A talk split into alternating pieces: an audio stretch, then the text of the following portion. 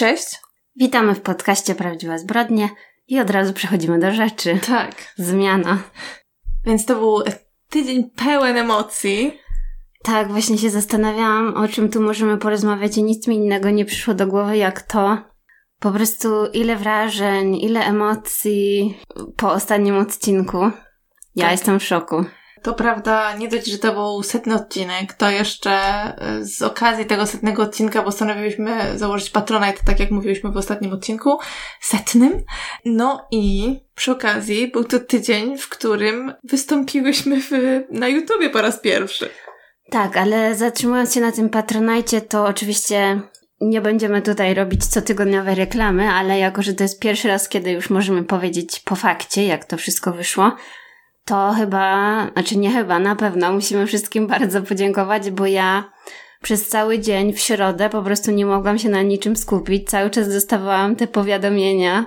Wszyscy pisali, nie no to było po prostu bardzo, bardzo, bardzo miłe. Chyba najmilszy dzień podcastowy, jaki nam się wydarzył do tej pory. Tak, no bardzo, bardzo Wam dziękujemy, że, że tak licznie chcieliście nas wesprzeć, więc mamy nadzieję, że odzwierciedli się to w jakości y, przyszłych nagrań, nie wiem, gdzieś pewnie od przyszłego miesiąca. Także jeszcze raz, no, jesteście super.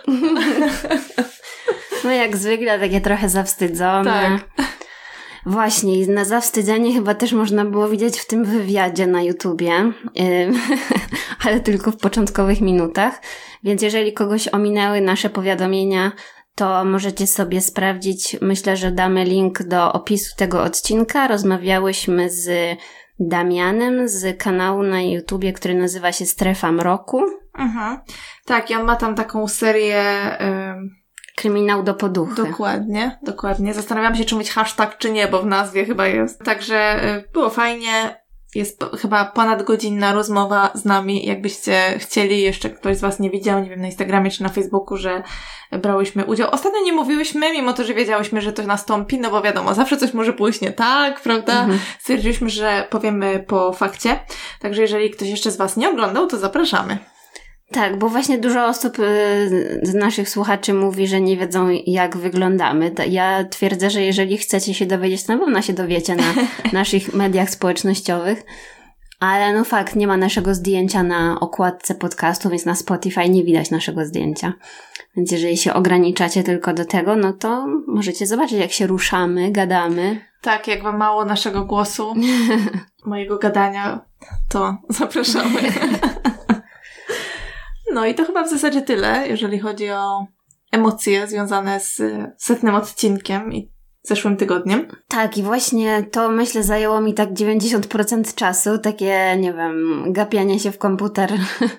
Nigdy tyle czasu na, na Facebooku nie siedziałam, bo tu trzeba było wszystkich y, tych ludzi ogarniać, dodawać. Ale i... w ogóle to jest takie logistyczne przedsięwzięcie, jakby ja cieszę się, że ty to zrobiłaś. Ja jestem adminem, no ale Tak. dużo, dużo też pomyłek przy okazji było, także jeżeli były jakieś tam, nie wiem, opóźnienia z informacjami, czy Nie no, jakby było to jakby duże zamieszanie, bo my też e, nigdy nie prowadziłyśmy żadnych, nie wiem, grup, nie wysyłałyśmy e, chyba w takiej ilości maili do ludzi, tutaj naszych słuchaczy, prawda, i też było e, to rozdanie związane z e, patronami i no, także trochę, trochę się działo, dużo tak, może nawet nie czasu to zajęło, ale tak głowy, nie? tak, no dużo o tym myślałam, no ale Mhm. Już y, przechodząc dalej, to nawet właśnie za bardzo nie miałam czasu, żeby jakieś seriale oglądać, nowe, poza tym, co mówiłam w ostatnim tygodniu. Mhm. A ty coś, coś widziałaś?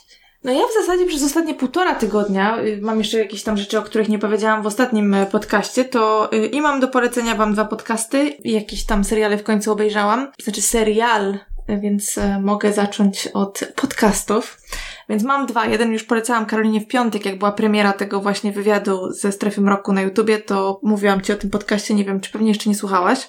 No nie. Dopiero nadrabiałam te podcasty, których słucham Tak. y, na, na co dzień i też jeszcze nie skończyłam. No właśnie, jeden z nich e, nazywa się Chameleon Hollywood Con Queen. To jest niestety podcast po angielsku, e, ale polecam, jeżeli ktoś chce sobie potrenować słuchanie ze zrozumieniem. Jest to podcast o oszustce. Polski jest dzisiaj bardzo trudny dla mnie.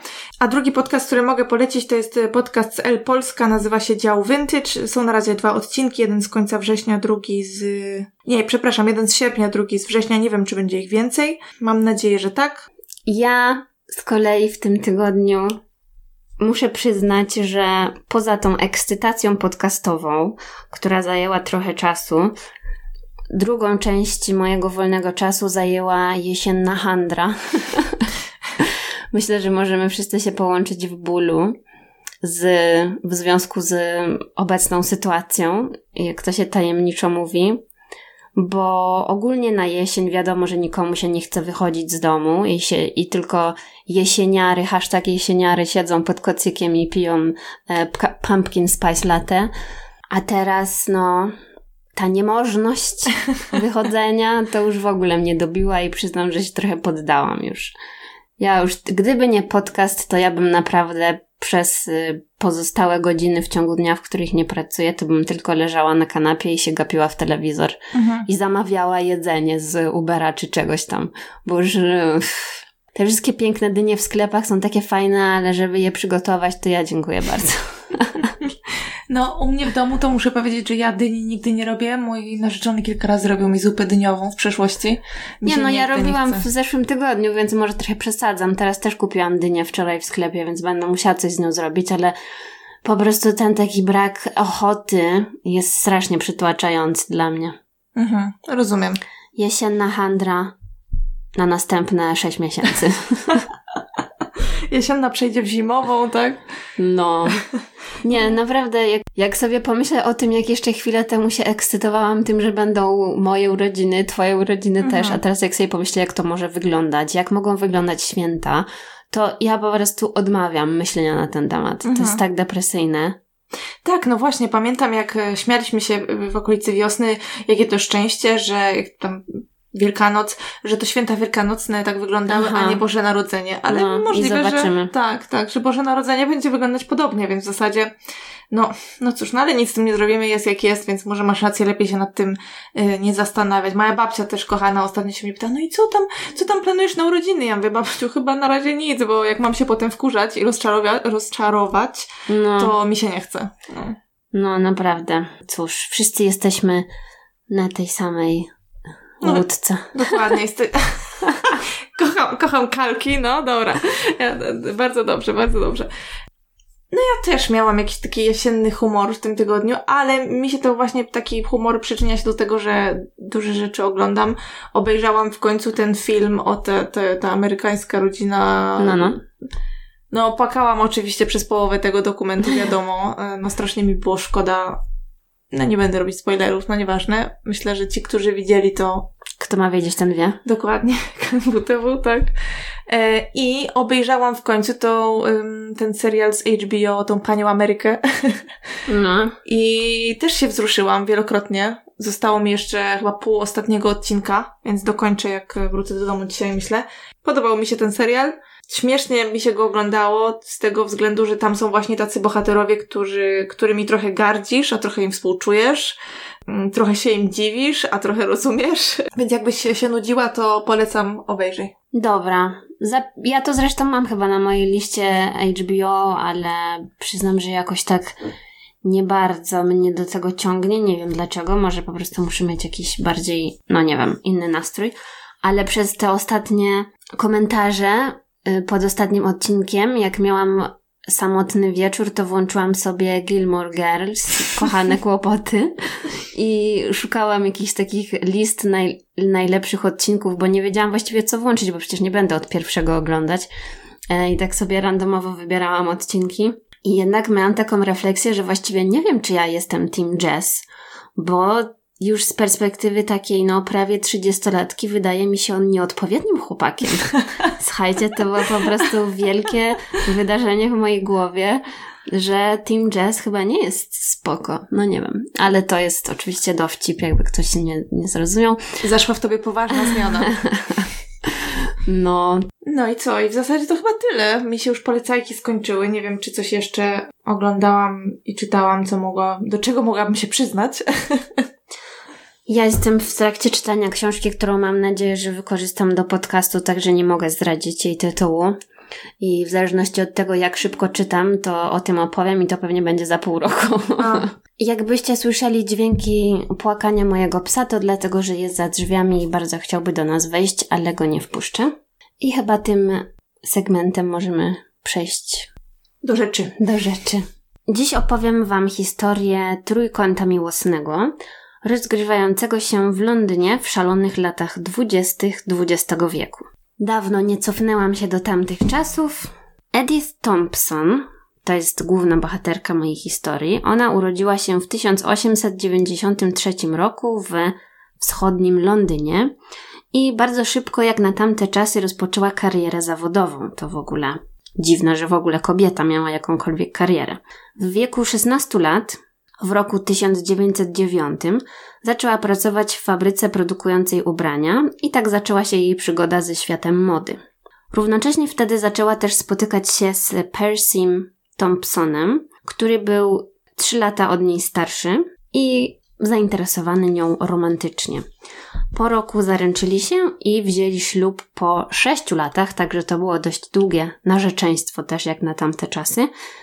Wzięli ślub w roku 1916, no i oczywiście wtedy przyjęła jego nazwisko, bo ja już zaczęłam historię od jej nazwiska męża, no ale nieważne. Podobno Edith nie była do końca przekonana do tego ślubu i przed ceremonią miała jakieś tam wątpliwości, z których zwierzyła się swojej rodzinie. Jej ojciec wytłumaczył jej, że musi iść na ten ślub, no bo goście czekają i tak dalej. Tak, to jest najważniejsze. Co tam? Życiowa decyzja. Pff. No. Tak też się stało, wzięli ślub. Równolegle do tego związku jej kariera również rozwijała się ekspresowo, awansowała wielokrotnie, objęła stanowisko głównego kupca w firmie produkującej modne kapelusze. Zajmowała się też rachunkowością i z czasem stała się tam menadżerką. Jeździła do Paryża kupować jakieś tam nowe projekty i w związku z tym też sama nauczyła się francuskiego. Także była taka bardzo, no, obrotna. Była pełna życia, energiczna, uwielbiała się bawić i tańczyć, bo wie, no, kojarzycie ten od razu taki obrazek lat dwudziestych, że te typowe sukieneczki, te piórka we włosach i kobiety tańczące. W tym czasie jej mąż pracował jako urzędnik i bardzo możliwe, że zarabiał mniej niż ona. Edith była modną, nowoczesną kobietą, która mogła rozwinąć swoje skrzydła w szalonych latach dwudziestych. Mogła pracować, mogła palić papierosy, pić alkohol, chodzić na tańce i oczywiście parę lat wcześniej to było nie do wyobrażenia. Więc mogła się poczuć przez to taka wyzwolona i niezależna. Nosiła krótsze sukienki odsłaniające kolana, szokujące. Miała krótkie włosy, bo wtedy też ta fryzura stała się modna. No i była po prostu taka na czasie. Pracowała też w czasie wojny i podobno w pracy była znana wciąż pod swoim nazwiskiem panieńskim. Więc wydaje mi się, że to może pokazywać, jaki miała stosunek do małżeństwa, do mężczyzn generalnie, że była taką bardziej feministką. W temacie wojny to jej mąż wywinął się ze służby, prawdopodobnie przedstawiając fałszywe dokumenty dotyczące jakiejś tam choroby serca od lekarza, dzięki którym został zwolniony.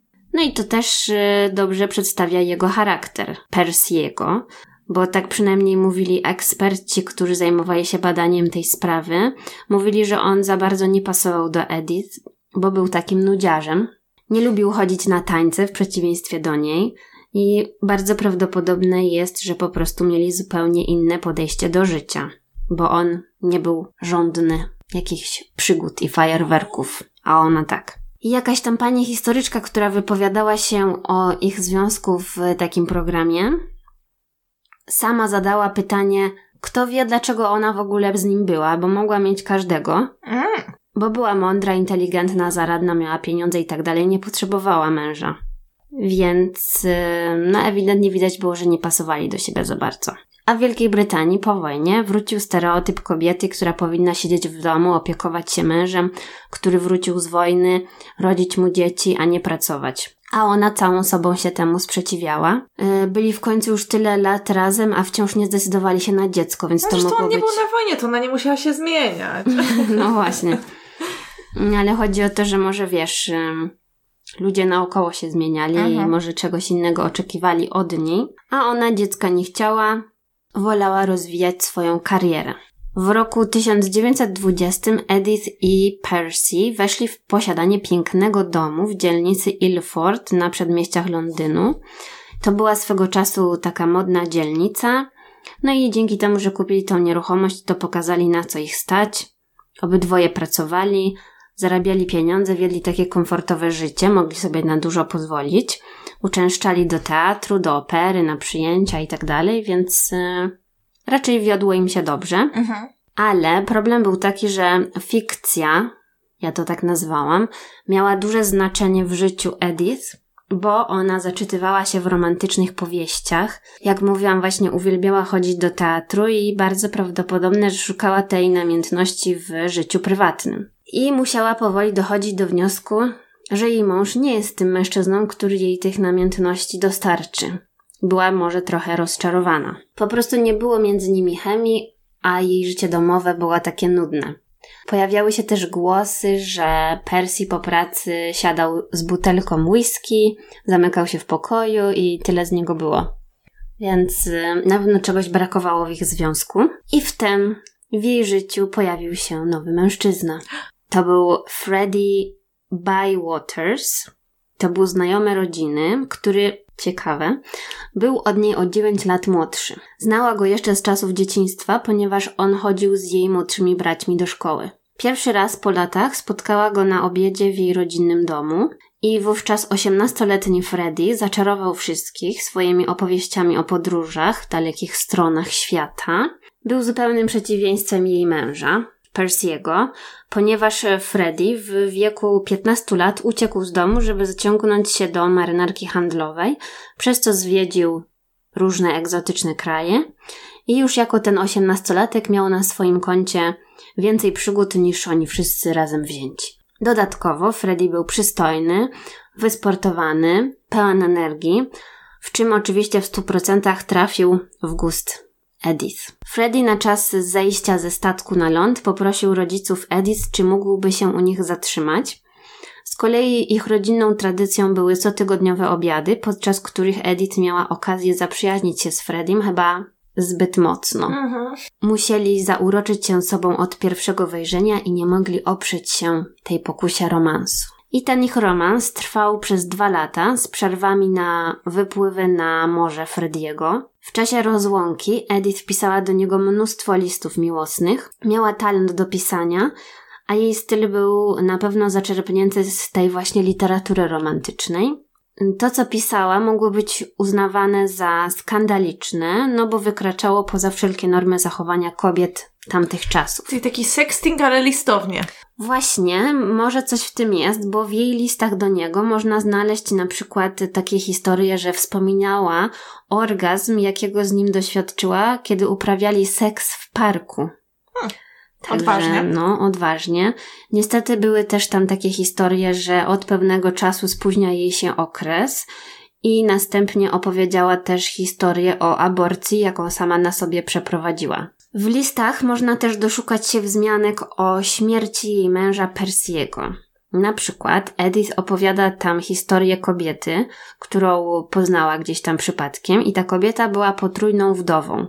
I ona opisywała to w taki sposób, jakby zazdrościła tej kobiecie, że trzy razy doświadczyła śmierci swoich mężów, a Edith nawet nie może doświadczyć raz bycia wdową, nie? Tak jakby sobie marzyła, że też chciałaby być wdową. Pisała o chęci zatrucia męża belladonną, tą typową trucizną, o której pisano we wszystkich książkach, więc to też nie jest tak, że ona to hodowała, tylko może po prostu gdzieś tam to wyczytała. Fantazjowała też o podaniu mężowi pióre z ziemniaków, a w środku w tym pióre miała być rozkruszona żarówka. Ja takie rzeczy pisała do kochanka? Tak, tak. Hmm.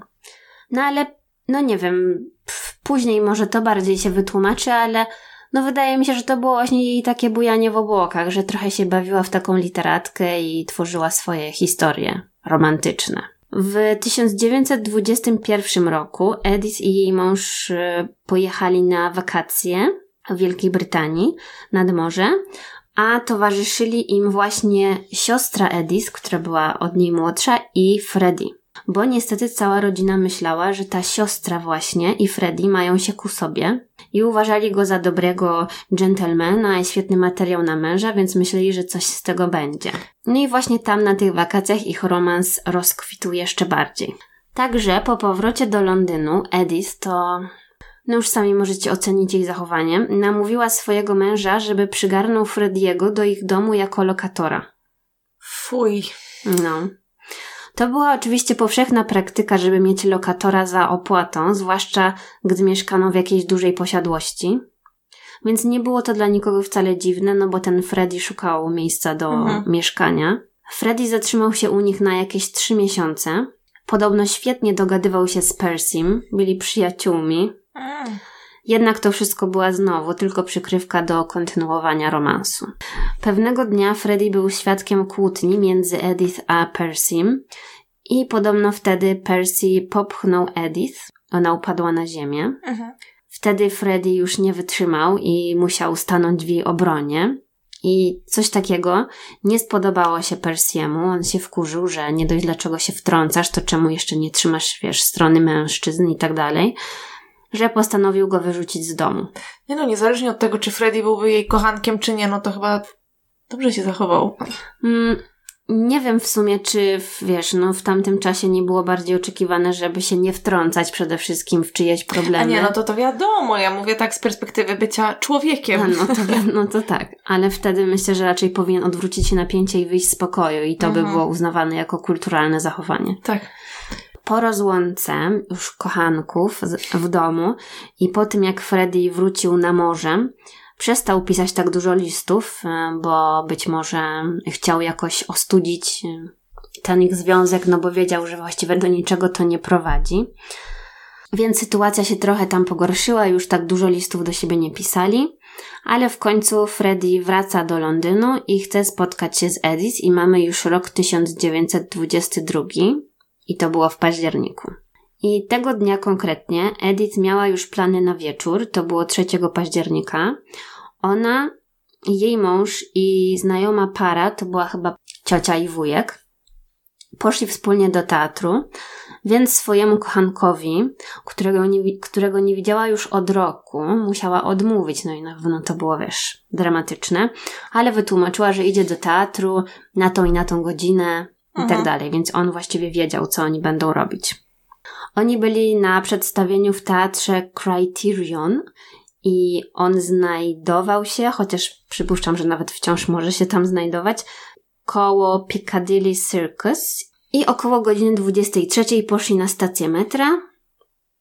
O 23.30 wsiedli do swojego pociągu, który miał ich zaprowadzić właśnie na to osiedle Ilford. Wyszli z tego pociągu, idą do domu około północy, są na jakiejś tam uliczce, która prowadzi do ich domu i nagle atakuje ich mężczyzna. Ten napastnik popchnął Edith na ziemię i ona wtedy uderzyła się w głowę i nie wiedziała, co się dzieje. Zanim zdążyła odzyskać przytomność, to ten mężczyzna ugodził jej męża Persiego 11 razy nożem. Hmm. No, przykro mi, że nie, tu nie ma tutaj większego suspensu. No, pewnie wszyscy wiedzą już kto, co i jak, no ale kontynuujmy. Mhm. Percy, śmiertelnie ranny, zmarł zanim Edith zdołała wezwać pomoc. Domyślam się, że tam pierwsza pomoc y, grubo weszła, że na pewno jej bardzo zależało na tym, żeby go uratować. A, czyli widzę, że jesteś bardzo sceptyczna. No nie wiem. Na... To może być moje negatywne nastawienie, oczywiście. Tak, tak, zdecydowanie. Napastnik uciekł, a Edith była w ciężkim szoku, krzyczała, nie wiedziała, co ma zrobić. W końcu udało jej się ogarnąć i pobiegła w poszukiwaniu jakichś ludzi, bo to była noc i właściwie nie było nikogo w pobliżu, wszyscy byli zamknięci w swoich domach. Hmm, żadnych świadków. Ktoś w końcu wezwał lekarza, ale zanim ten lekarz przyjechał, to Percy już dawno nie żył. Ostatecznie przyjechała karetka, no i karetka po prostu poinformowała ją, że Percy nie żyje, a policja ją odwiozła do domu, bo ona była w ciężkim szoku. Następnego dnia Edith miała przyjść na komisariat i złożyć zeznania. Ona powiedziała, że nikogo nie widziała. Opisała sytuację, jakby Percy po prostu stanął i zaczął krwawić. Co było dość dziwne, nie? Co? No i to oczywiście sprawiło, że stała się podejrzana w całej tej sytuacji. Z drugiej strony też y, mogła być w szoku i nic nie widzieć, nic nie wiedzieć, no. Ale to jakaś głupota. Równie dobrze mogła powiedzieć, że ją mąż odepchnął na bok i sam dostał, no. No. Jej zeznania były bardzo dziwne na, na samym początku. Ten policjant zdziwiony zapytał ją, nie widziałaś nikogo innego? Nie widziałaś nikogo obcego? A ona, nie, nie, nie pamiętam. Coś, coś takiego powiedziała, No w sumie nie? uderzyła się w głowę, no to... No, no właśnie. Niestety, Edith nie była świadoma tego, że Freddy został aresztowany przez policję poprzedniej nocy i już zdążył wszystko wygadać. Jak to się stało, że go aresztowali? Znaczy nie jestem zdziwiona, że Freddy w końcu został aresztowany, ale jak to się stało, że go złapali? No po prostu musieli go złapać gdzieś, nie wiem, jak uciekał. Przy okazji. Mhm. Dopiero jak Edith dowiedziała się, że policja aresztowała Frediego, to była w stanie powiedzieć im trochę prawdy. Twierdziła, że nie wie, dlaczego Freddy to zrobił. Powiedziała, że ona tego nie chciała. Widać było przynajmniej przy tym e, przesłuchaniu, znaczy z tego, co ona mówiła, to ja wnioskuję, że nie była do tego przygotowana, że gada trochę głupoty i się Mhm. pogrąża niechcący. Nie przemyślała. Tak, więc to nie była przygotowana jakaś wypowiedź, bo mówiła strasznie głupie rzeczy. I dopiero kiedy policjant powiedział, jak było naprawdę, to ona dopiero wtedy mogła się do tego odnieść, nie? Że sama nic nie mówiła pierwsza. Mhm. Czyli w końcu jej powiedział, przestań się ośmieszać. Mm. Policja wiedziała o ich romansie. Zdążyli już zdobyć jej listy miłosne. Mieli nad nią ogromną przewagę, a ona kłamała, dopóki właśnie, tak jak mówiłam, nie udowodnili jej, że oni znają prawdę. Głównym dowodem w sprawie przeciwko Edith były te nieszczęsne listy i było ich jakieś 60. Oskarżyciele ustalili, była jakaś taka teoria, pewnie wypowiedziana prawnym językiem, ale sens tego był taki, że jeżeli dwie osoby myślały o śmierci trzeciej osoby i jakby myślały nad tym wspólnie, a śmierci morderstwa dokonała jedna osoba, to należy skazać te dwie osoby. Mhm. I taką logiką właśnie zarówno Edith, jak i Freddy zostali oskarżeni o morderstwo. I tutaj karą e, miało być śmierć przez powieszenie. No tak, zapomniałam, że to było dawno temu. No.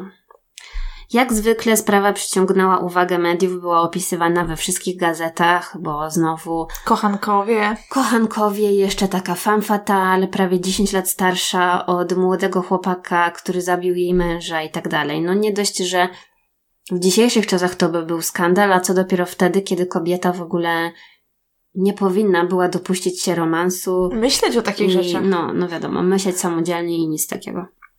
Proces rozpoczął się 6 grudnia 1922 roku.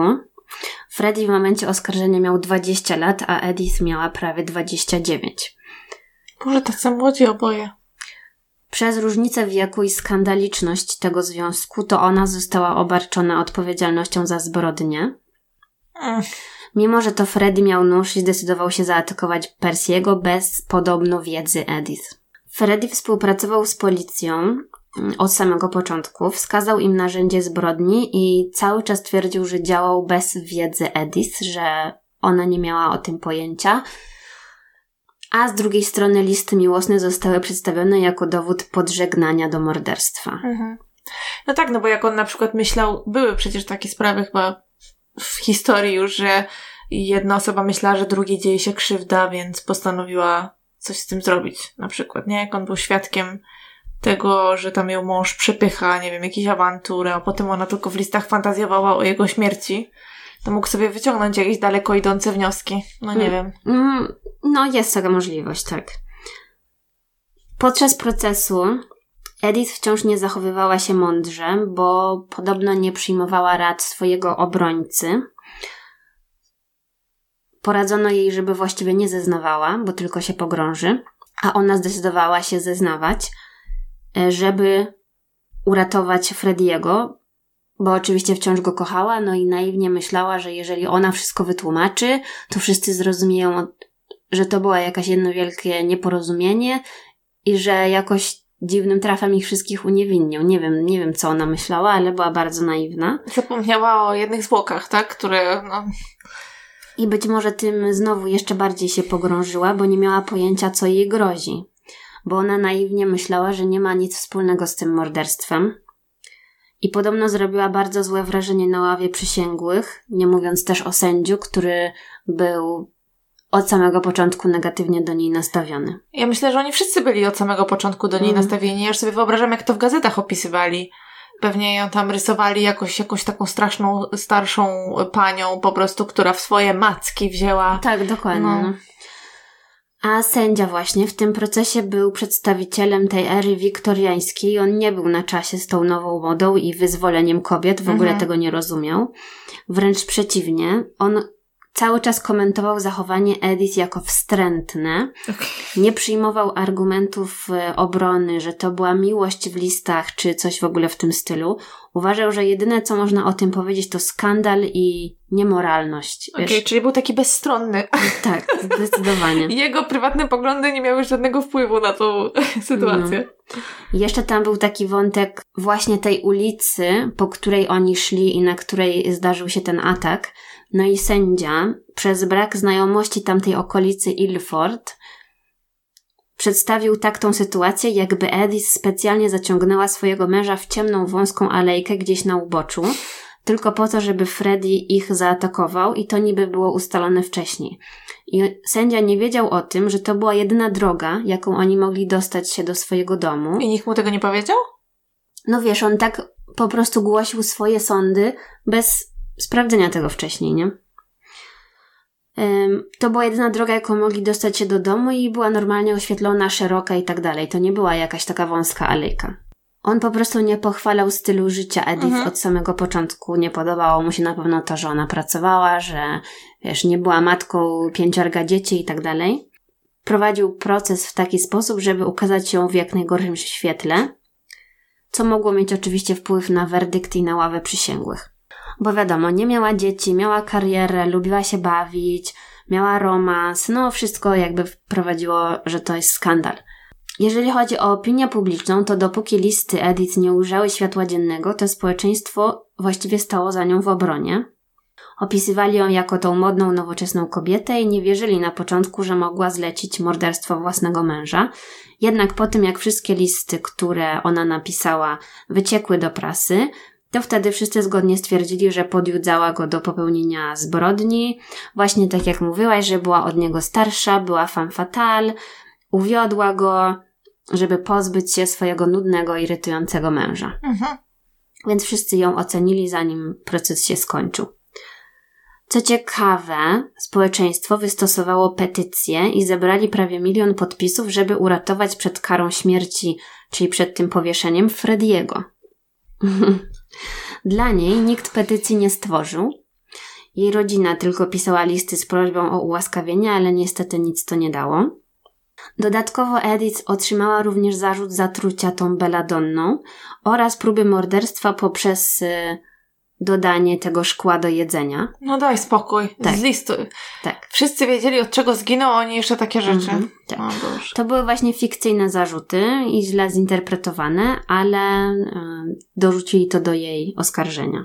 Oczywiście po fakcie już y, sekcja zwłok nie wykazała żadnych śladów zatrucia i żadnych śladów zjedzenia szkła przez Persiego, ale nikt tego nie wziął.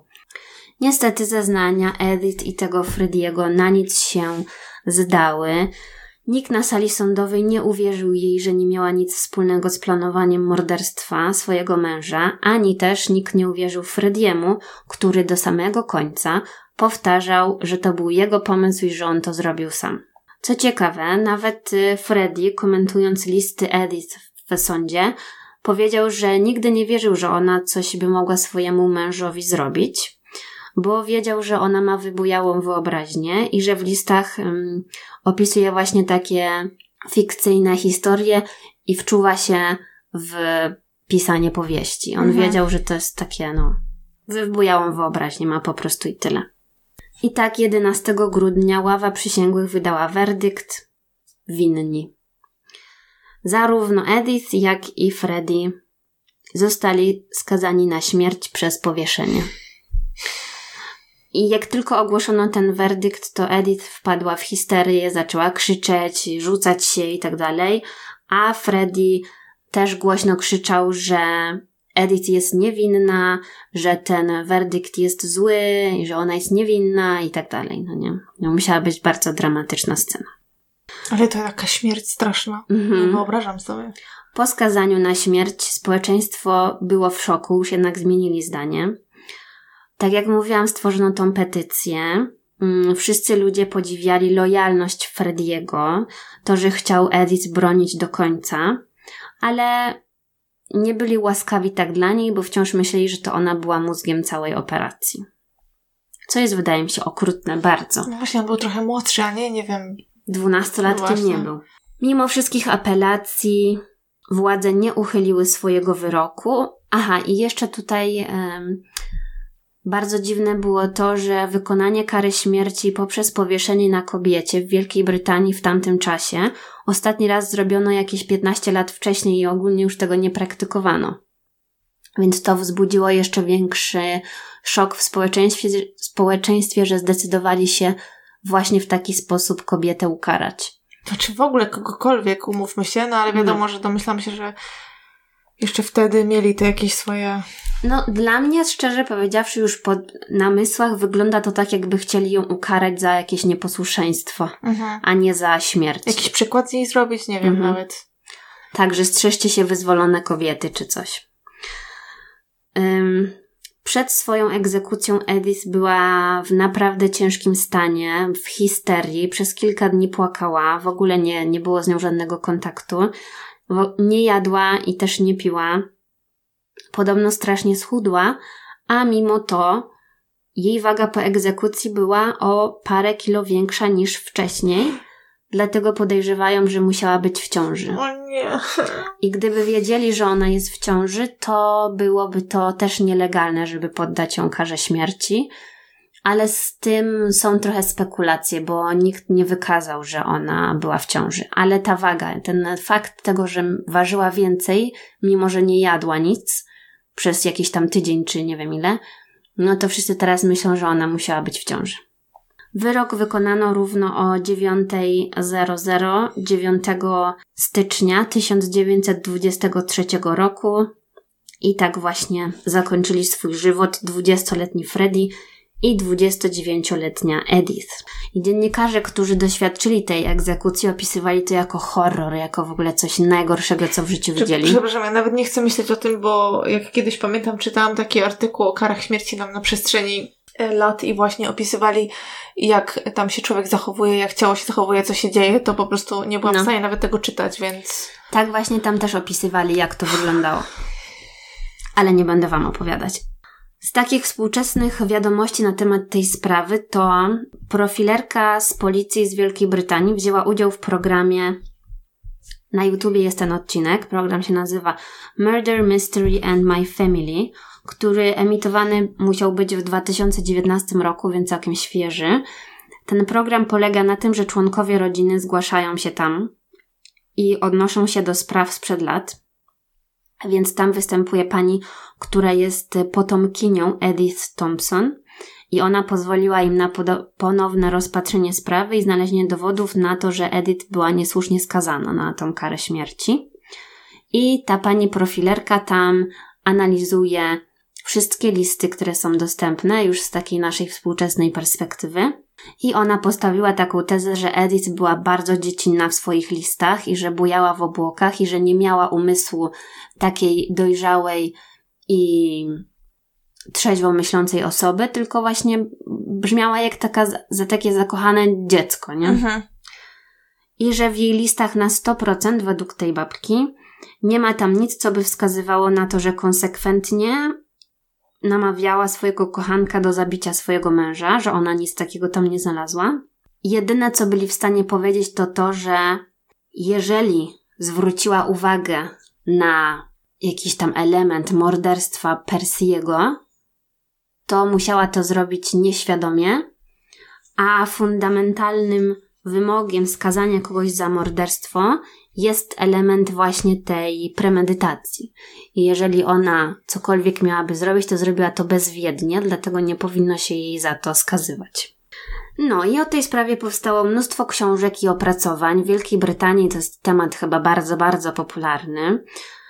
E, też był popularny, jak były dyskusje tam właśnie na temat kary śmierci na przestrzeni lat, bo gdzieś tam w jakimś artykule widziałam, że nawet kilka tam dekad temu rozważali nad przywróceniem kary śmierci i wtedy dużo osób właśnie powoływało się na tę sprawę, jaka była okrutna i jaka niesłuszna.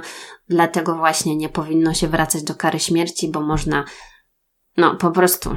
To jest błąd, którego nie da się naprawić. No, no tak. Poza tym, czy naprawdę ktoś jest w stanie wziąć na swoje sumienie coś takiego, mnie to zawsze zastanawia. No.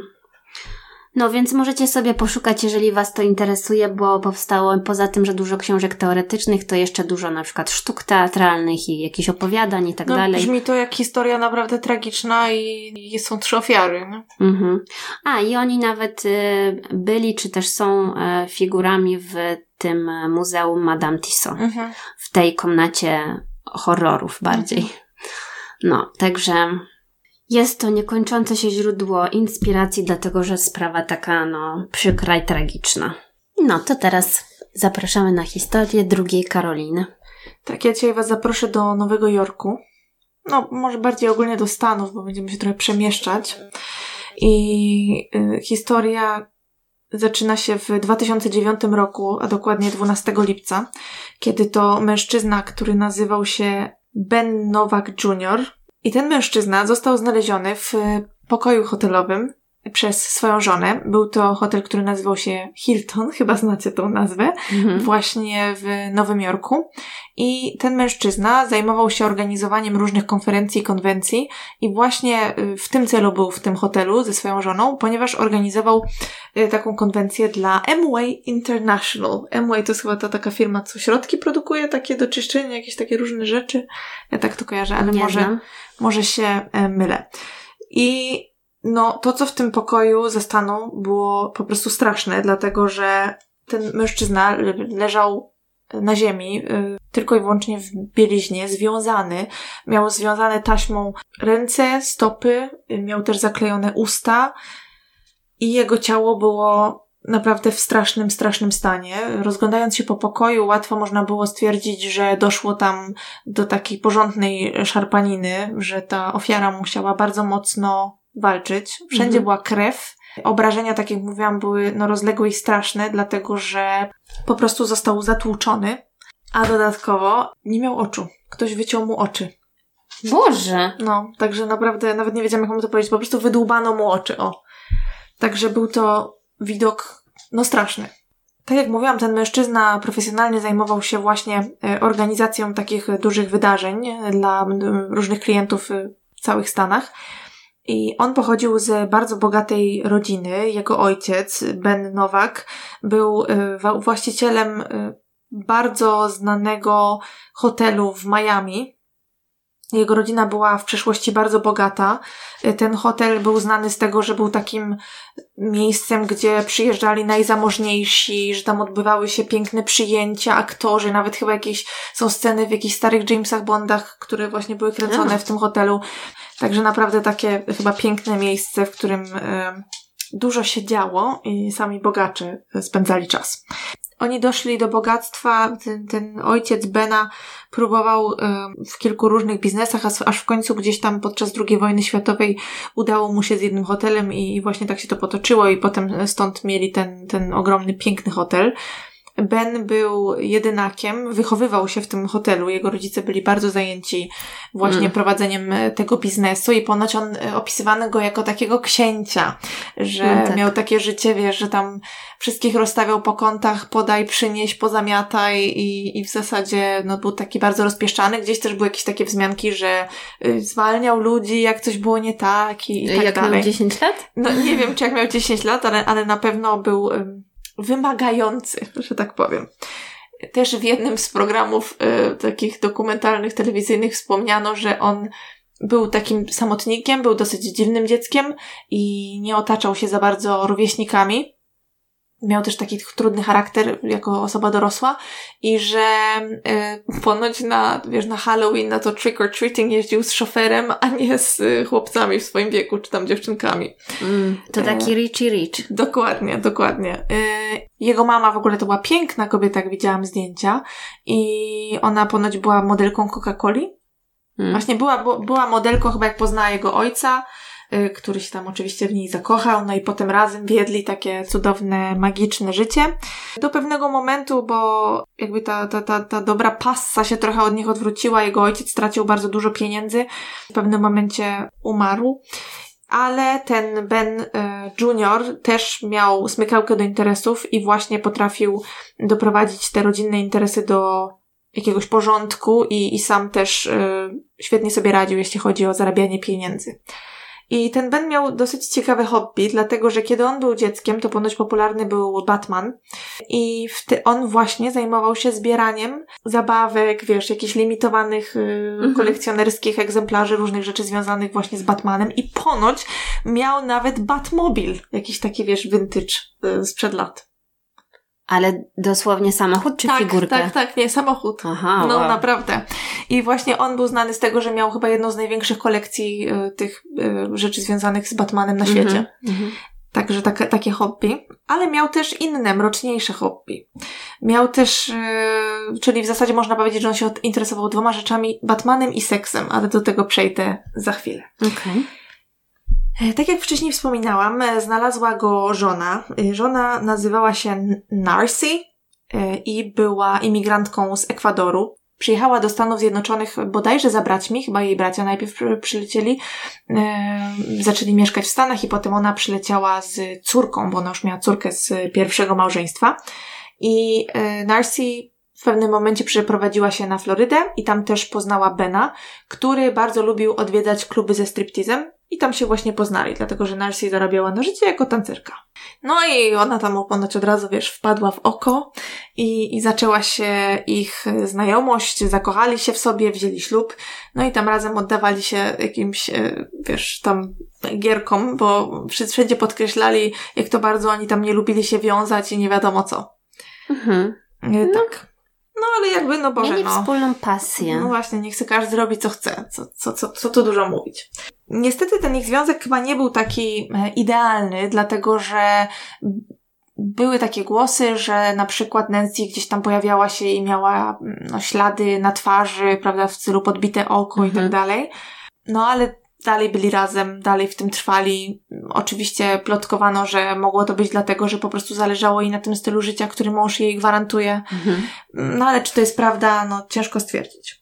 Kiedy przyjrzano się temu miejscu zbrodni, temu, ten, ten pokój, tak, obejrzeli, e, to stwierdzono, że tak naprawdę nie ma żadnych śladów włamania na drzwiach. No i oczywiście policja wzięła Narcy na przesłuchanie. Y, to przesłuchanie trwało bardzo długo, bo trzymali ją chyba 13 godzin i nawet policjantka wspominała w jednym z tych y, kryminalnych dokumentów tych telewizyjnych mówiła, że, że ona w ogóle nie chciała pójść y, do toalety, w ogóle nie chciała pić, w ogóle nie chciała nic, tylko w kółko jakby, są jakieś tam krótkie nagrania w internecie z tych ich przesłuchań, jak ona po prostu w kółko wałkuje to samo, jakby mówi, że nie wie co się stało, że, że dramat, że kochała męża i że już się zastanawiała, że może ona drzwi zostawiła otwarte, że, że no Hmm. Czyli to nie było tak, że oni ją trzymali w zamknięciu, dlatego, bo była dla nich podejrzaną, tylko ona tak dużo gadała? To znaczy, nie no, chcieli od niej jakby coś sprawdzić, czy ona coś wie, czy przypadkiem nie jest w to zamieszana, bo jakieś podejrzenia w stosunku co do niej mieli, zwłaszcza jak zauważyli, że nie ma żadnych śladów włamania. Jeszcze tam się pojawił jakiś świadek, który natrafił na Narcy, Narcy, przepraszam, kiedy ona wybiegała z tego pokoju po znalezieniu męża i on twierdził chyba, że ona się dziwnie zachowywała. Mhm. Więc mieli jakieś tam podejrzenia. Zresztą, no, wielokrotnie to przerabiałyśmy, że w każdej takiej sytuacji zawsze y, przyglądają się osobie, która znalazła ofiarę, no i mężowi, żonie, dziewczynie, prawda, i tak dalej. No. No i tak się stało też w tym wypadku. Zaczęto przyglądać się całemu otoczeniu Bena. Y, tak jak mówiłam, ludzie z jego otoczenia oceniali go jako osobę trudną w kontaktach, y, dosyć specyficzną, y, bardzo wymagającą i przez to chyba ciężką, że tak powiem, żeby, żeby jakoś super się zaprzyjaźnić. Poza tym, że oczywiście przesłuchali Narcy, y, postanowili przejrzeć wszelkie nagrania z monitoringów w tamtym hotelu, y, przepytać ludzi, którzy tam pracowali, y, przepytać też ludzi z ich otoczenia, w sensie z otoczenia tej rodziny. No i im policja zaczęła głębiej grzebać w życiu Bena i Narcy, no to tym więcej jakichś takich dziwnych rzeczy wychodziło. Na przykład to, że Ben bardzo lubił, pasjami wręcz umawiał się z gwiazdami porno i odwiedzał właśnie te kluby ze striptizem. Tak jak mówiłam, miał dwa dwa hobby. Jednym z tych hobby był, był seks i e, właśnie on ponoć e, znajdował sobie jakieś panie, e, które grały w filmach porno i się z nimi umawiał. Ale rozumiem, żeby zdradzać swoją żonę. Tak, żeby wcielać I ona... fantazję w życie. A ona była z tym spoko, czy nie? No właśnie, chyba średnio, tylko że y, wszystko było w porządku do czasu, aż on nie poznał y, kobiety, która nazywała się Rebecca Bliss. Ona miała pseudonim artystyczny jakiś inny, y, bo właśnie w internecie można ją było zobaczyć w jakichś filmach z tego, co zrozumiałam.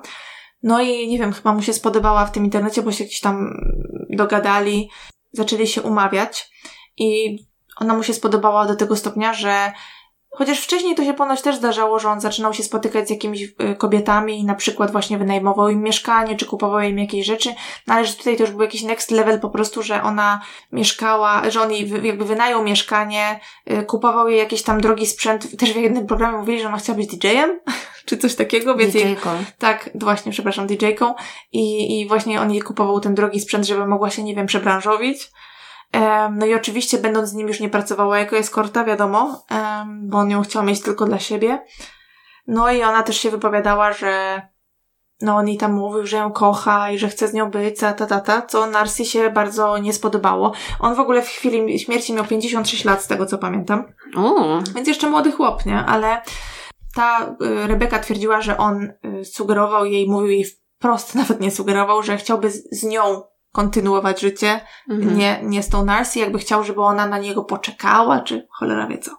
Poza tym policja dowiedziała, jakby sprawdzała ich um, kartotekę, że tak powiem, i okazało się, że już kiedyś była bardzo dziwna sytuacja w życiu Narcy i jej męża Bena, dlatego że kilka lat wcześniej, bodajże w roku 2002, doszło do sytuacji, w której Ben został napadnięty w swoim domu, będąc z Narcy, leżeli w łóżku do ich mieszkania wtargnęły trzy osoby, trzej mężczyźni, związali Bena i oczekiwali, że on im powie, gdzie ma pieniądze, jakieś tam gotówkę i różne inne kosztowności.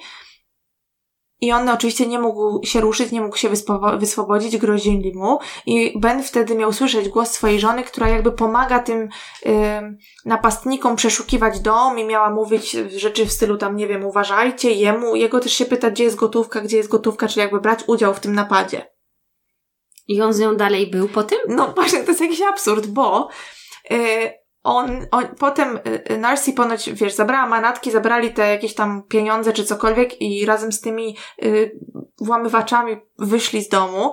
Ben miał się oswobodzić sam w pewnym momencie, no gdzieś tam, wiesz, udało mu się poluzować te więzy, wezwać policję, no ale jak już doszło do wyjaśnień, to Narcy stwierdziła, że to jest taka, wiesz, yy, seks gra, która nie, nie poszła tak jak powinna. A, okay. a Ben powiedział, no dobra, no to spoko. I wrócił, nie wiem, zaczęli znowu być razem i on postanowił y, nie wnosić żadnego oskarżenia. Okej. Okay. Może nawet nie zwrócił uwagi, czy mu jakieś pieniądze zniknęło, bo miał tak dużo. to jest też możliwe, ale z drugiej strony yy, oni właśnie ponoć się tak bawili już wcześniej, mhm. że tak jak mówiłam, oni tam się lubili wiązać, robić inne rzeczy, no i jakby z Bogiem, niech se każdy robi co chce, jeżeli to jest za obopólną zgodą. I ponoć oni w, w ich związku mieli taką grę, że na przykład lubili, jedno drugiego lubiło związać i zostawić tak na kilka godzin. Mhm. No, no. no. A no, wtedy to... oni właśnie podczas tego włamania udawanego trzymali go związanego chyba 25 godzin go przetrzymywali. Co? Takie dane, takie, takie liczby. 25 tak. godzin? Mhm. No ale tak, no w sensie z jakichś takich różnych, nie wiem, dokumentów czy filmów, które tam opowiadają o tych dominach i innym, no to chyba są takie zwyczaje, nie? Żeby kogoś aż tak torturować. Wiesz co, no nie wiem, może to jest jakaś taka, wiesz, power trip czy co, może, no i jakby okej, okay, jeżeli no. ktoś jakby się zgadza na to i rzeczywiście ma na to ochotę, no to proszę bardzo. Jeżeli Ale... nie powiedział tego y, y, safe word. Tak, tak, tak, tak. Ale ten napad, nie, nie rozumiem w ogóle o co chodzi, no ale okej. Okay. E, tak jak mówiłam, Narcy miała jeszcze córkę z poprzedniego małżeństwa, ona miała dobry kontakt z Benem i z jego rodziną, znaczy wtedy już tylko z mamą. No i tak, w pewnym momencie e, policja trafiła do mężczyzny, który nazywał się Cristobal Velis i to był brat e, Narcy i on, on pracował w Filadelfii bodajże jako kierowca autobusu. I oni udali się tam do niego, dlatego że, z tego co zrozumiałam, dostali list, który był napisany w języku hiszpańskim, yy, jakiś taki, nie wiem, anonimowy, i w tym liście było napisane, że ta osoba jest pewna, że stoi za tym morderstwem właśnie Narcy i jej brat Cristobal. No więc policja udała się do domu tego brata i kiedy przyszli do jego domu, to on ich wpuścił. Gdzieś tam byli w okolicy kuchennego stołu i policja patrzy i nie wierzy własnym oczom, że cały stół jest zawalony jakimiś papierami, takimi wyciągami z wpłat z Western Union, mhm. że wysyłał do kogoś pieniądze. No i ten brat poszedł się tam, nie wiem, ubrać czy co, może go zaskoczyli. No i jak, nie wiem, zrobić herbatki, nie wiem. I jak wrócił, y, znaczy i zanim wrócił, no to oni zdążyli spisać jakby sobie dane tych ludzi z tych różnych wpłat, które widzieli, żeby sprawdzić. No i jedna z tych osób, e, okazało się, że był to mężczyzna, który był już wcześniej notowany. Mhm i nazywał się Alejandro Garcia.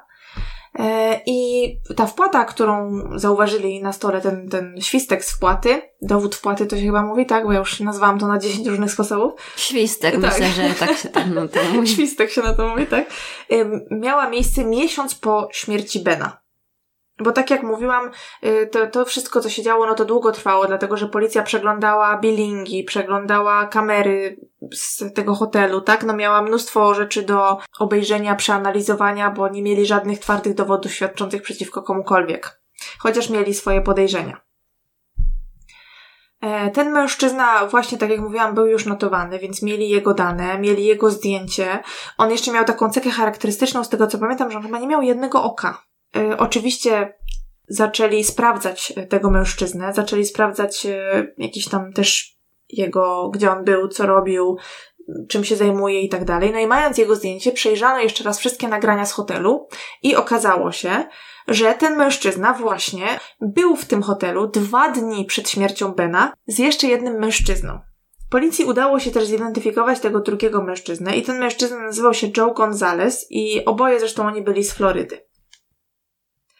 E, policja, mając już te dowody, wiedząc, że oni tam byli, stwierdziła, że prawdopodobnie było tak, że to oni zrobili krzywdę Benowi i po prostu poszli dwa dni wcześniej na rozeznanie w tym hotelu, żeby zobaczyć co jak, gdzie i tak dalej. Mhm. No musieli przyjąć jakąś wersję wydarzeń, prawda? Mhm zaczęli zbierać różne dowody, przeszukiwać właśnie billingi, wyciągi, y, przeglądać te kamery dokładnie i tak dalej. Zresztą na nagraniach niby tam było widać tą Narcy, jak ona gdzieś stoi przy stołówce bodajże, przy jakiejś kamerze z walizkami, z kimś tam gada przez telefon, no niby, niby alibi miała. Policja dotarła też do motelu, przeszukując właśnie te wszystkie wyciągi bankowe, w którym y, Joe i Alejandro się zatrzymali przed śmiercią Bena. Mhm. Czyli wiadomo było, że byli w Nowym Jorku, a w listopadzie, czyli tak, śmierć y, Bena miała miejsce 4 miesiące wcześniej, bo w lipcu, a w listopadzie policja zaprosiła tego pierwszego pana, czyli Alejandro, na rozmowę i jak już pozbierali te wszystkie dowody. No i też są jakieś tam takie krótkie urywki e, z tego przesłuchania z, z panią mm, tłumacz, bo chyba ten Alejandro tak po angielsku nie mówił, no skoro miał tłumacza. No i on wszystkiemu zaprzeczał, twierdził, że w ogóle nigdy nie był w Nowym Jorku. Dopiero kiedy powiedziano mu, żeby już tam przestał gadać głupoty, że wiedzą, że był, mają ku temu dowody, no to on się sam wyrobił, bo zaczął mówić, że bał się o swoją rodzinę no to jak rozumieć takie zdanie? No więc y, tak, sam, sam, się, sam się wkopał, no już wtedy chyba zaczął współpracować. Oczywiście wzię, wzięto na przesłuchanie też tego drugiego faceta, którego widzieli na nagraniu za panem y, Alejandro, y, tego Joe'ego i on w ogóle gdzieś uciekł, chyba nie mogli go znaleźć, ale w końcu sam zgłosił się na policję i poszedł jakby na pełną współpracę, wyznał wszystko. No i wersja wydarzeń, którą przedstawili, jest mrożąca krew w żyłach. Dlatego, że jak już się pewnie domyśliłaś, Narsim stała za tym wszystkim i teraz y, według oczywiście tych dwóch panów. Oni przyznali się, że zrobili to i twierdzili, że to Narcy i jej brat wszystko wymyślili, mhm. Y, że to właśnie ten brat miał im zapłacić pieniądze za zabicie Bena i że to Narcy sama wpuściła ich do pokoju hotelowego nad mhm, ranem tak. tamtego dnia związali go i zaczęli go bić ciężarami, takimi wiesz, do ćwiczeń. Handlami Tak, jakimiś tak, coś? dokładnie, takimi handlami, zaczęli go bić. Ale jej było jeszcze mało i ona kazała jednemu z nich wrócić, żeby właśnie wydłubał mu te oczy. W zasadzie nie wiadomo po co. Więc ona nie dość, że zleciła to, to jeszcze patrzyła na to i mówiła im, co mają robić. No, no, jakby to była właśnie jakaś jej kolejna fantazja może, że miała jakieś, jakieś wyobrażenie, jak to miało pójść i oni mieli, ona to To wyreżyserowała. nie jest jeszcze koniec. No jest, no jakby kto robi takie rzeczy, nawet jak, nie wiem, nienawidzisz swojego męża, to mówisz komuś, idź wydób mu, nie wiem, oczy, no to jest w ogóle jakieś, no nie wiem, normalnym ludziom to się chyba nie mieści w głowie, prawda? E, No to się w pale nie mieści. Dokładnie. No ale w końcu e, w kolejnym roku, bo w lipcu 2010, czyli już w zasadzie rok po śmierci Bena, w końcu udało się policji zebrać e, wystarczająco materiału dowodowego, żeby zaaresztować Narcy i jej brata.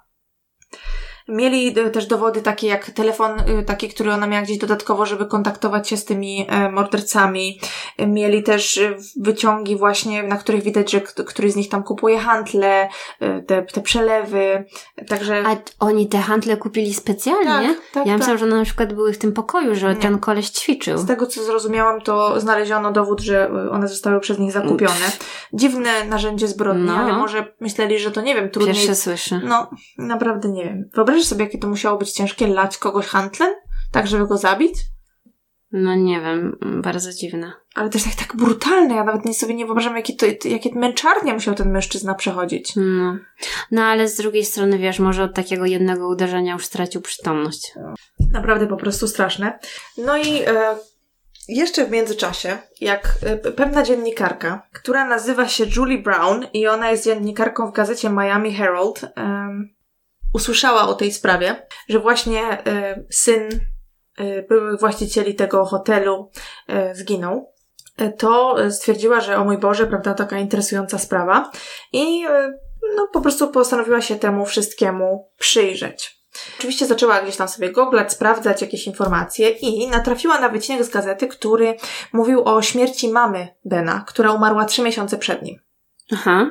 Ben i jego matka byli bardzo y, ze sobą związani, byli, mieli dobre stosunki. To właśnie on znalazł swoją mamę, która, którą znaleziono przy schodach, które szły jakby od niej od kuchni do garażu, jakoś tak w dół.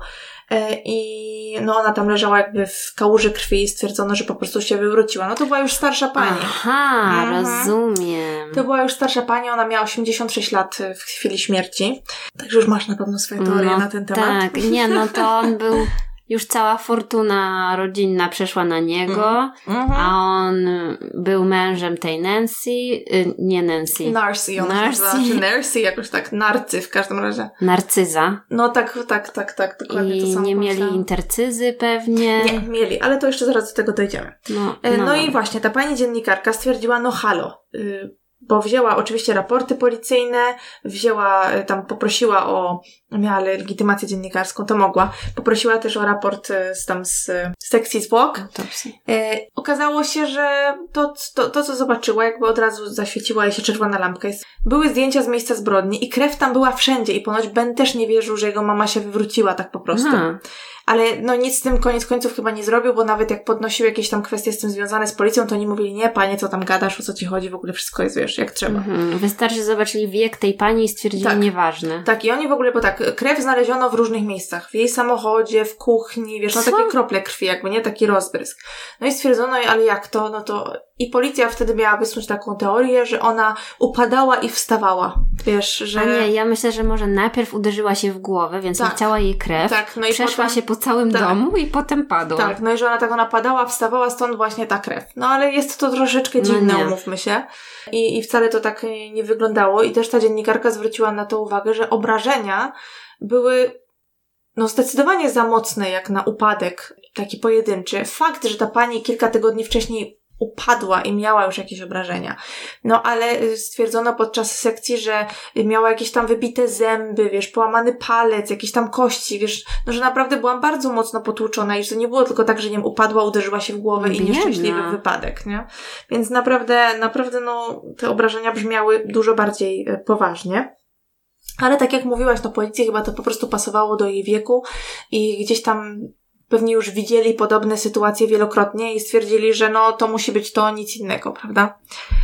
No, ale ta dziennikarka bardzo się tym zainteresowała, bo no, nie pasowało jej to wszystko. Poszła tam, rozmawiała z sąsiadami, próbowała e, jakby tam naciskać, żeby coś z tym zrobiono. Policja z Nowego Jorku też się gdzieś tam tym zainteresowała, ale wiadomo, to były dwa różne stany. Policja w Miami mówiła, co ty tam, panie, zostaw, to nic się tam nie działo, to po prostu był nieszczęśliwy wypadek i koniec, prawda? Mhm. No, ale w końcu y, stwierdzono, że zainteresują się tym. I rzeczywiście nawet sąsiedzi mówili, że kilka dni przed śmiercią tej starszej pani, sąsiad y, z domu obok zauważył, że przy jej garażu kręciło się dwóch obcych mężczyzn, którzy zapytani, co tam robią, dzień dobry, kim jesteście, po prostu zaczęli uciekać. No ale w sumie, no nie wiem, no może, bo, aha, bo tam też piesek był, więc może oni się po prostu tego pieska przestraszyli. No hmm. ciężko było stwierdzić, chyba po prostu, że wiesz, puścili to w niepamięć jakby tyle, tyle z tego było.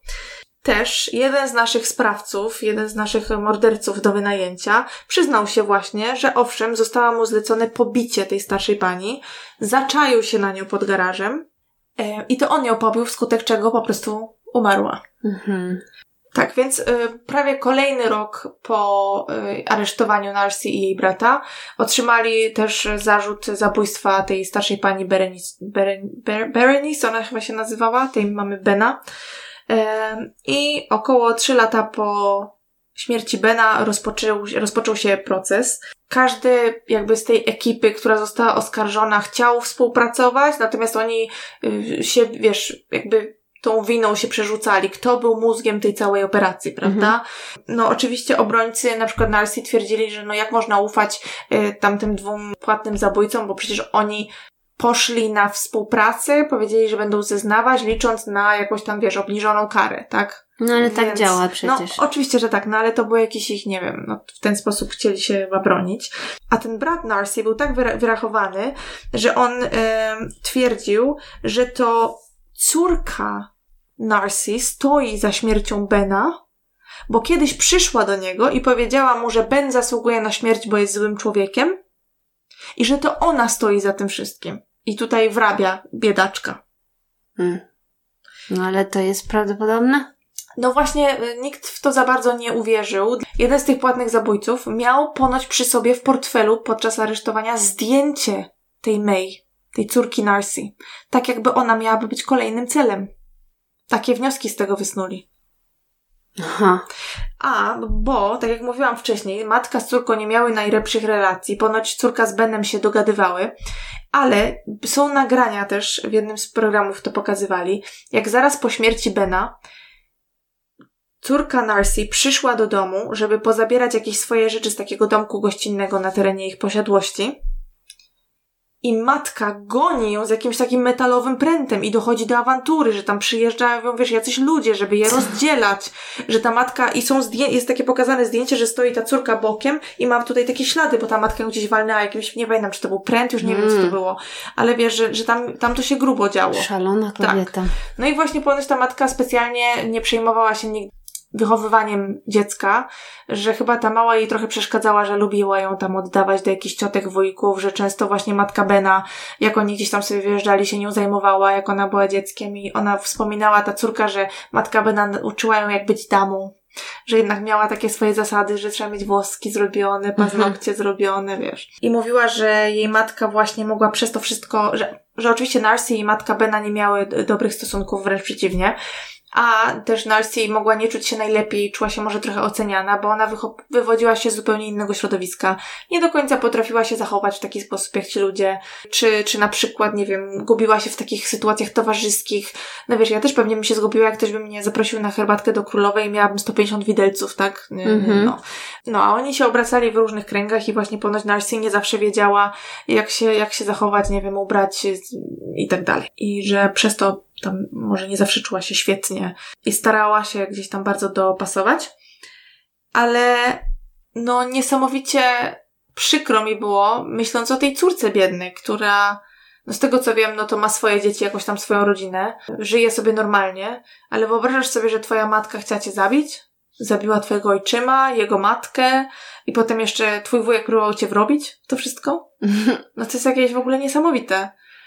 No, straszne. Tak, a to chodziło o to, jakby najpierw musiała zginąć mama Bena, dlatego że gdyby tylko on umarł, to oczywiście Narcy by coś nie coś dostała, ale głównym, główną osobą kontrolującą finanse Bena byłaby matka. I No ona, mimo to, że Narcy miałaby jakieś pieniądze, mogłaby Narcy mocno uprzykrzać życie. Jeżeli chodzi o rozwód ewentualny, którego Narcy też mogła się bardzo bać, bo tak naprawdę nie wie, nie dowiemy się chyba nigdy, co było motywem. Yy, można tylko spekulować, że to chodziło o pieniądze. To Narcy miała podpisaną intercyzę i dostałaby, no tam nie wiem, kilkadziesiąt tysięcy, wiesz, w porównaniu do tego, Mm, co, a co to Ben by było miał. za mało. Tak, w porównaniu do tego, co miał Ben, to było chyba śmiesznie mało. Zwłaszcza do, wiesz, do trybu życia, do jakiego była po prostu już na tamtym etapie przyzwyczajona. Y, Ich proces trwał dwa miesiące i e, obo, wszyscy zostali, zostali uznani winnymi. Christobel e, też jest takie nagranie, gdzie tam właśnie rozmawia z prowadzącym programu 48 godzin i tam właśnie mówi, że on nic o śmierci tej pani mamy Bena nie wiedział, z tego co wie to ona spadła ze schodów, ale tutaj tą śmierć Bena to wszystko jest zaplanowane przez May i to ona chciała go wrabiać, bo właśnie powiedziała, że e, zasługuje na śmierć, bo jest złym człowiekiem. I Anarsi, co też właśnie wszędzie podkreślali, że to dużo mówi o tym, jaką jest osobą, nie przyszła nawet na odczytanie wyroku, e, tylko siedziała gdzieś tam w celi takiej, wiesz, sądowej i tam sobie posłuchała przez głośniki. Nie musiała? No właśnie nie mogli, że tam sędzia ją próbował zmusić, żeby ona tam przyszła, powiedziała, że nie chce, to tam ją ponoć od tchórzy wyzywał. Aha. Ciekawe. No i bardzo słusznie, no, zrobiła coś takiego i Mhm. nawet nie jest w stanie wysłuchać wyroku. Dostała oczywiście dożywocie bez możliwości wcześniejszego wyjścia. No, powiem szczerze, że to taka naprawdę, jak są te programy, takie jakieś tam złe kobiety, czy coś takiego, no to tak to brzmi. Mhm. Bo to już naprawdę musiała hardkorowy plan ukry- uknąć i też to, że kilka lat wcześniej próbowała czegoś dziwnego z napadem, kradzieżą tych pieniędzy, gotówki swojemu mężu. No, naprawdę dziwna, dziwna sprawa. Jeżeli ona rzeczywiście chciała też zabić swoją córkę, no to jestem w szoku. A ci mężczyźni, którzy zgodzili się wykonać te brudne zadania dla Narcy, no to też, no to co, chyba za zabicie Bena, jeden z nich, jak przeczytałam w jakimś artykule, miał dostać 15 tysięcy, a za pobicie tej pani chyba połowę mniej, czy coś takiego, więc jakby no, tyle warte jest ludzkie życie. No zawsze, zawsze te No. wynagrodzenia za takie rzeczy są... To by było chyba na tyle, jeśli chodzi o moją historię. No, to dziękuję Karolino za taką sprawę pełną emocji. A teraz y, przejdziemy do części bardziej y, miłej, nie wiem. Czy... Tak, najbardziej ekscytującej w tym odcinku, czyli do podziękowań patronom. Tak, y, pozdrawiamy naszych nowych patronów. Tak. Aneta, Martyna, Martyna, Alicja, Julia, Mikołaj, Patrycja, Milena, Ania, Łukasz, Nikita, Marta, Katarzyna, Beata, Łukasz, Mateusz, Jagoda, A, B, Natalia, Arkadiusz, Agnieszka, Domi, Roxana, Lisbeth, Katarzyna, Izabela, Sebastian, Monika, Martyna, Ela, Alicja, Stanley, Ania, Piotrek, Ewa, Marta, Weronika? Aleksandra? Jakub, i Mikołaj. Już myślałam, że to koniec, ale nie koniec. Sylwia, Wiktoria, Karolina, Monika, Klaudia, Paulina, Joanna, Marek, Diana, Jakub, Artur, Jan, Alicja, Paweł. Łukasz. Tak, wybaczcie, Udało się. Tak, że z samych imion, ale wiecie, no nazwisk tak nie można rzucać w internecie. Chyba, także bardzo, bardzo dziękujemy wszystkim, którzy zechcieli nas wesprzeć. Było nam bardzo miło pozdrowić Was, w sensie podziękować z imion, E, ale mamy nadzieję, że może wpadniemy na jakiś bardziej kreatywny sposób e, odczytywania. Jeżeli ktoś ma jakieś pomysły, to Tak, to piszcie, bo nie wiem, czy co tydzień będziemy mogły 50 osób wymieniać. E, chyba, że was będzie więcej, to jeszcze więcej. Myślimy, że może będziemy witać po prostu już teraz nowych patronów, ale to powiedzcie nam, co uważacie. I jeżeli są jakieś problemy z dodaniem do grupy albo czymś takim, że coś przeoczyłyśmy, to napiszcie nam maila. Najlepiej w sprawie Patronite'a pisać nam maila prawdziwe zbrodnie małpa gmail.com, bo na Instagramie te wiadomości się gubią. Ja bardzo często odczytuję jakąś istotną wiadomość po tygodniu, bo Mhm. gubi się po prostu. Więc jak macie do nas pilną sprawę, to proszę na, na Gmaila. I jeszcze raz dziękujemy. Dziękujemy i do usłyszenia za tydzień. Do usłyszenia.